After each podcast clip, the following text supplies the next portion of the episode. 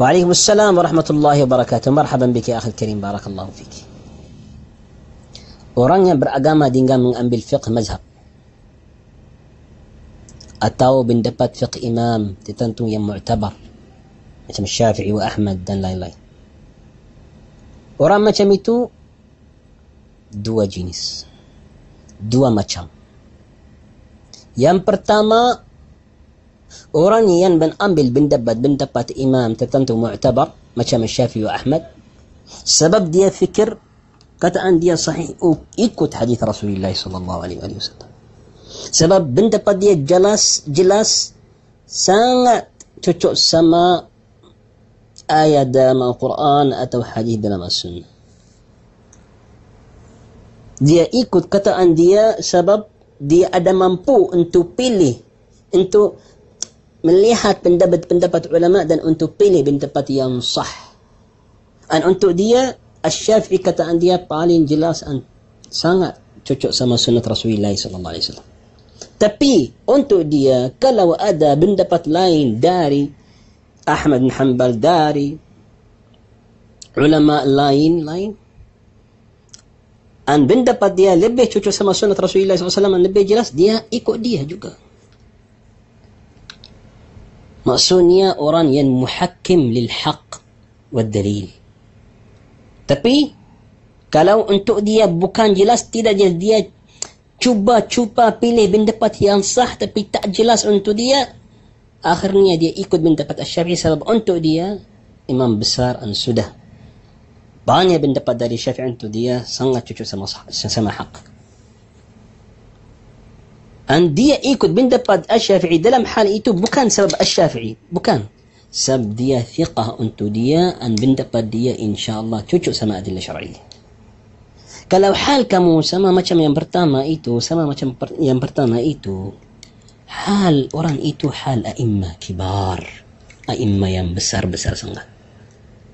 Hal ini hal ulama al-ummah dari waktu tabi'in wa atba'in sampai hari ini. حال إني حال منهجية موروثة عن علماء الراسخين.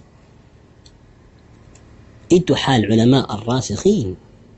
قال الله تعالى وفوق كل ذي علم عليم. إيتو منهجية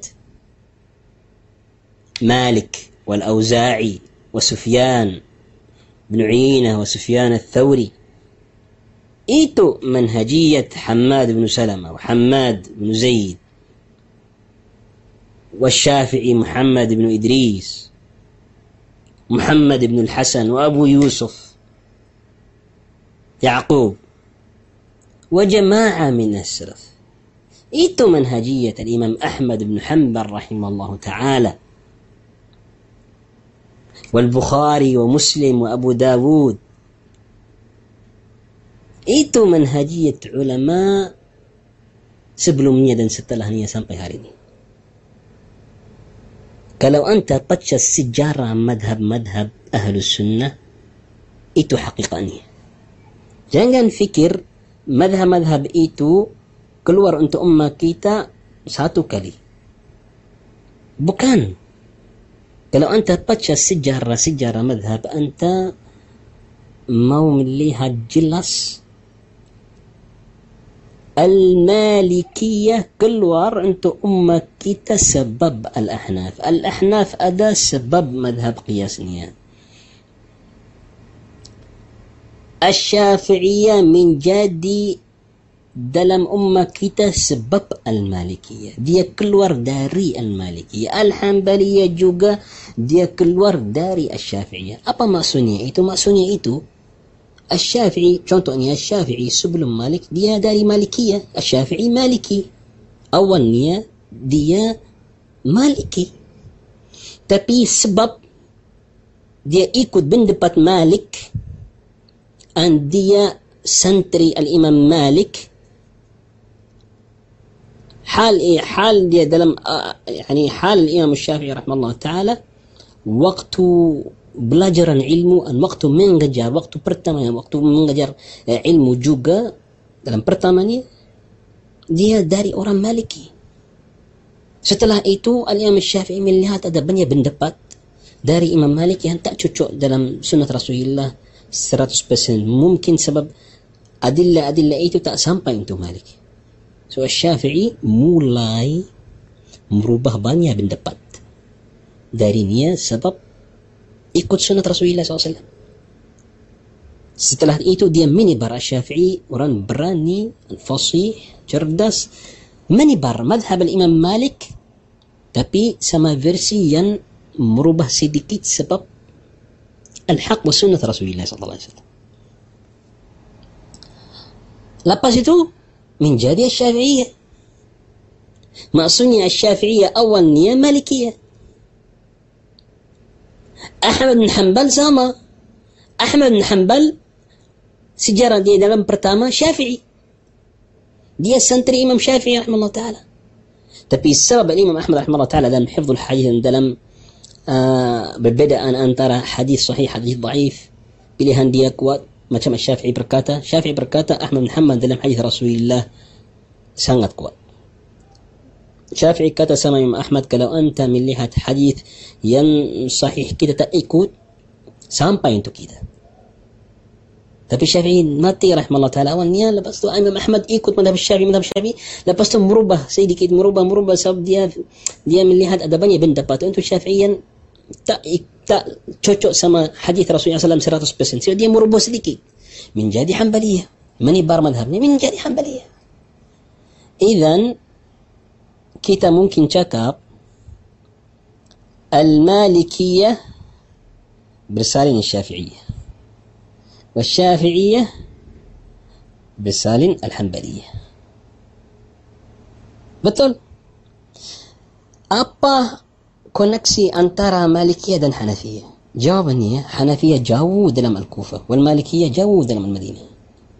جاو تبي هذا جوجا كونكسيان بسار.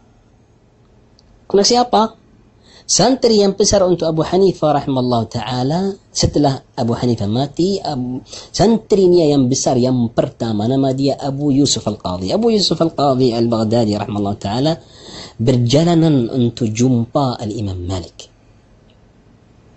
lepas tu debat sama Imam Malik dalam banyak-banyak masalah An Imam Malik bagi dia hadis banyak hadis Rasulullah sallallahu alaihi wasallam yang Abu Hanifah yang bentapat Abu Hanifah kontradiksi sama hadis Rasulullah itu sebab Abu Hanifah sebab hadis ini tak sampai untuk Abu Hanifah. Macam رحمة الله rahimahullah أبو حنيفة Hanifah ada alasannya.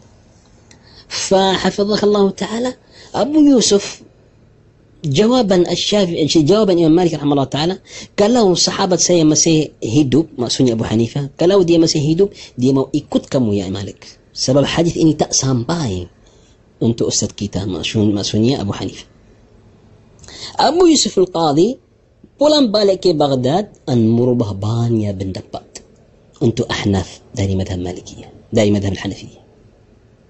سبب حديث رسول الله. محمد بن حسن الصحابة جوكا أنتو أبو حنيفة أن سنتري أبو حنيفة جنبا الشافعي جنبا مالك. لا بس بولان بالك جوكا أن مربه بانيا سبحان الله. maksudnya tengok semua imam إني juga mau ikut sunat Rasulullah SAW.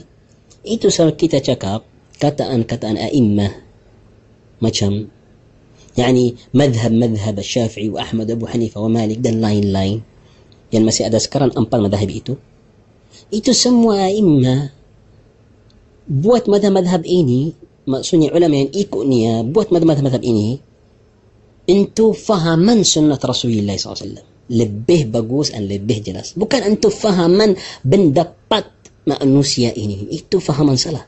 Itu sebab Asy-Syafi'i bukan yang buat madhab Syafi'iyah. Santri-santri ni yang buat madhab ni. Yang buat pendapat Asy-Syafi'i madhab. Sama untuk Malik, sama untuk Abu Hanifah, sama untuk Ahmad bin Hanbal. Jangan fikir Ahmad Hanbal waktu dia masih hidup dia yang cakap manusia ikut saya dalam madhab Hanbali saya mau mulai madhab Ahmad Hanbal. Bukan.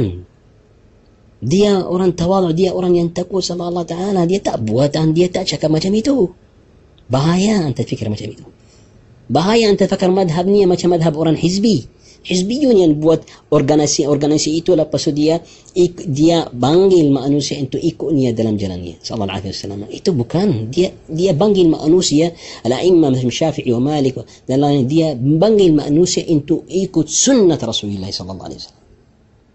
Dan dia kerja keras untuk menjelaskan untuk manusia macam mana fahaman sunnah Rasulullah SAW dalam cara yang betul kerja keras niya buatannya itu itu yang menjadi madhab.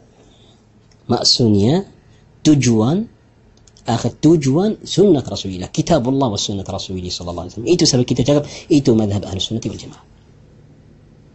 Setelah itu ya akhir karim hafizahullah taala macam yang kedua macam dua orang yang muqallid. Yang ikut Syafi'i wa Malik wa Ahmad wa Abu Hanifah dan lain-lain. Bukan khusus untuk empat ini ada orang yang mukallid sampai hari ini untuk siapa? Siapa yang cinta manusia ini yang dia ikut pendapat dia semua walau salah dia ikut dia sebab cinta dia, dia orang yang mukallid. Itu yang bid'ah. Kita tak cakap orang ini mubtadi' bukan, itu beda. Kita cakap jalan ini yang bid'ah.